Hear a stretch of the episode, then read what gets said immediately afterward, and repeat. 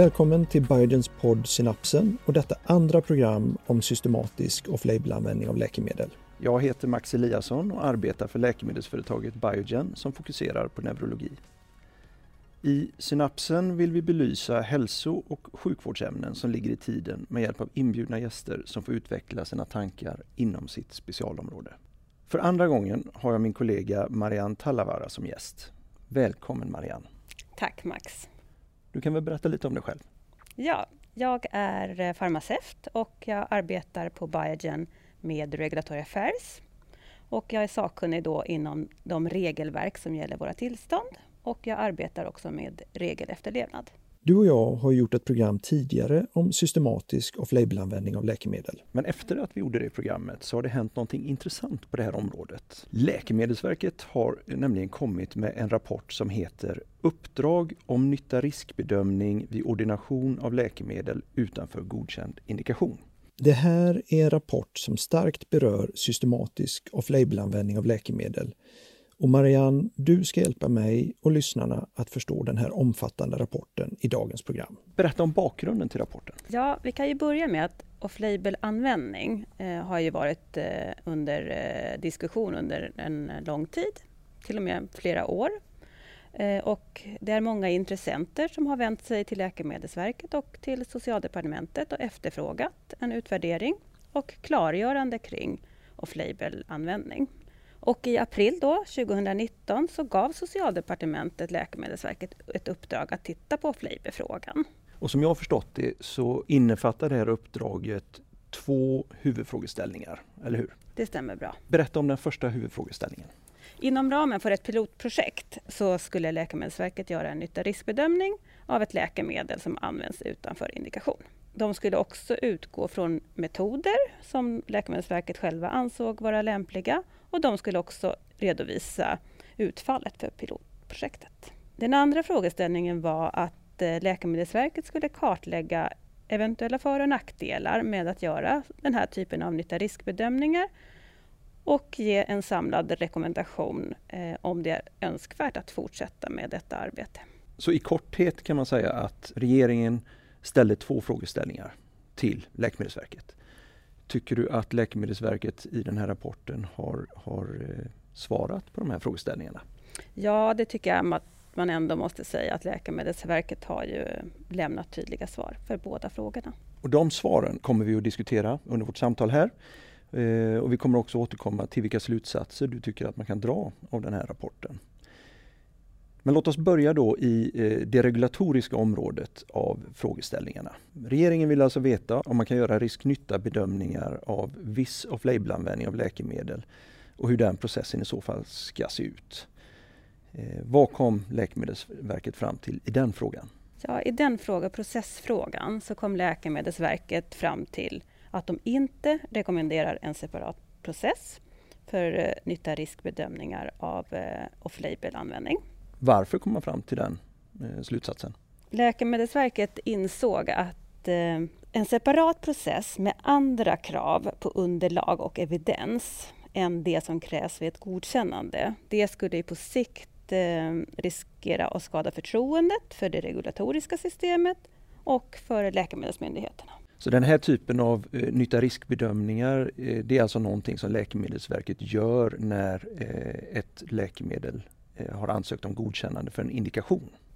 Ja, det stämmer. Så att de metoder som, eh, och standarder som Läkemedelsverket valde att följa är de standarder och metoder som används inom hela EU för att värdera om effekten är större än riskerna för ett läkemedel. Du och jag är ju läkemedelsföretagsrepresentanter och utifrån det perspektivet, vad tycker du om det här svaret från Läkemedelsverket i den här frågan?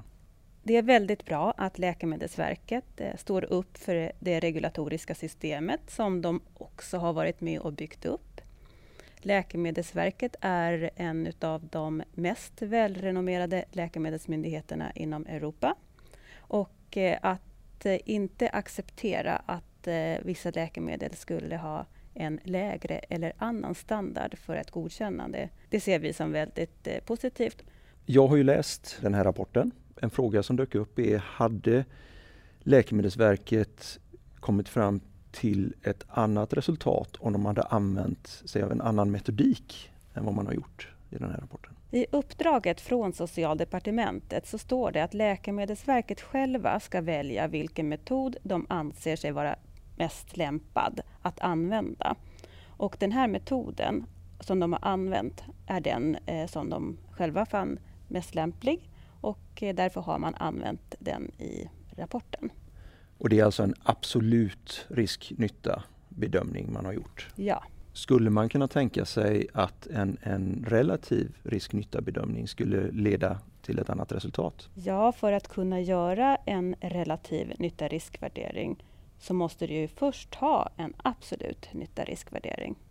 Annars kan du inte jämföra det med andra läkemedel. För en relativ risk-nytta bedömning skulle innebära att man jämför läkemedel A med läkemedel B? Just precis. I förra programmet när vi pratade om systematisk off-label-användning av läkemedel så berättade du om att det finns ett sätt att få off-label-läkemedel godkända. Ja, eh, processen då som kallas för repurposing den är fortsatt eh, uppe och eh, Läkemedelsverket välkomnar ju också att eh, vid sådana här situationer där det finns läkemedel som inte är längre under ett patent att eh, ansöka om ett godkännande i så kallad repurposing. Så det är fortsatt möjligt och det är ju en väg som eh, vi företag och eh, läkemedelsmyndigheterna välkomnar. När det gäller den andra huvudfrågan i eh, rapporten eh, så gjorde alltså Läkemedelsverket en bedömning av nytta-riskbalansen för läkemedlet Rituximab vid MS, eh, multipel skleros alltså. Som är ett exempel på systematisk off-label-användning. Så hur gick man tillväga i den delen? Läkemedelsverket valde då i sin pilot att titta på rituximab inom MS. Och eh, den metod som de eh, valde att använda fick de ju välja själva. Man gick igenom då all tillgänglig data och eh, tillgängliga studier. Man gick igenom både interventionella studier, observationsstudier. Man gick igenom registerdata och publikationer. Läkemedelsverket har alltså gjort en väldigt gedigen genomlysning av evidensen som finns. Och vad kom man fram till? Ja, eh, det stämmer att eh, mängden data och eh, arbetet är gediget gjort. Och man kommer fram till att trots att det finns väldigt mycket data så finns det ändå inte tillräckligt mycket data för att kunna göra en värdering om effekten överstiger riskerna. Så Läkemedelsverket säger alltså att man inte kan bedöma effekten av rituximab vid MS. Innebär det att det inte finns någon effekt av det här läkemedlet vid MS? Nej, det är så här att eh, man ska alltid bedöma effekten i förhållande till riskerna.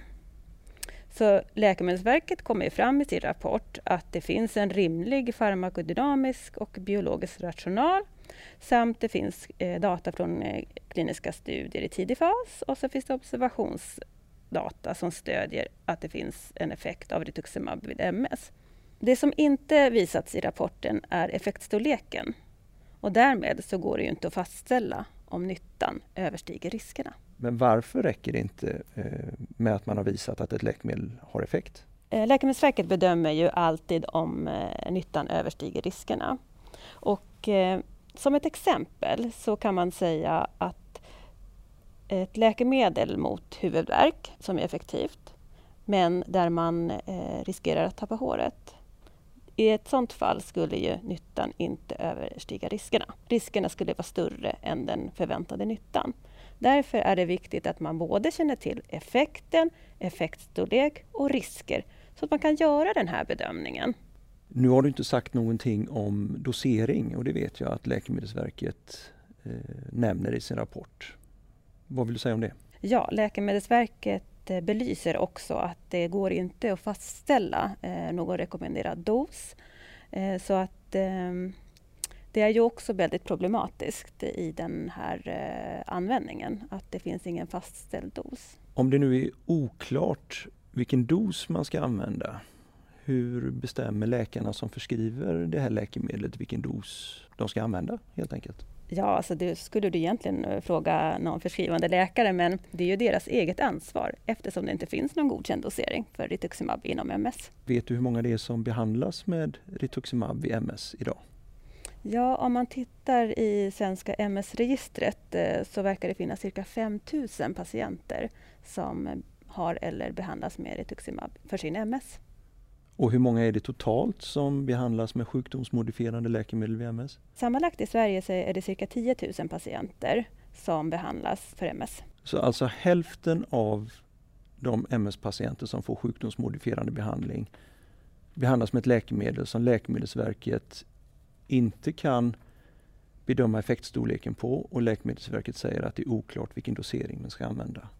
Ja, det stämmer. Ja, nu har vi berört vad rapporten säger om effekten och eh, doseringen. Men Läkemedelsverket uttalar sig också om säkerheten med det här läkemedlet.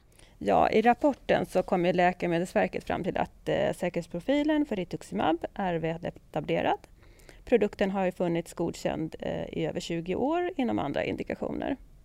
Men samtidigt så ska man komma ihåg att Läkemedelsverket säger i rapporten att de kommer fortsätta att verka för en säker och effektiv läkemedelsanvändning genom att eh, fortsätta utreda potentiella säkerhetsrisker i linje med sitt uppdrag. Säger Läkemedelsverket någonting i rapporten om ansvaret vid användning av läkemedel off-label? Jajamensan, för Läkemedelsverket där är de väldigt glasklara. Det är alltid den förskrivande läkarens ansvar. All förskrivning, även off-label. Även om regionstyre och, och chefer trycker på för att kunna spara pengar?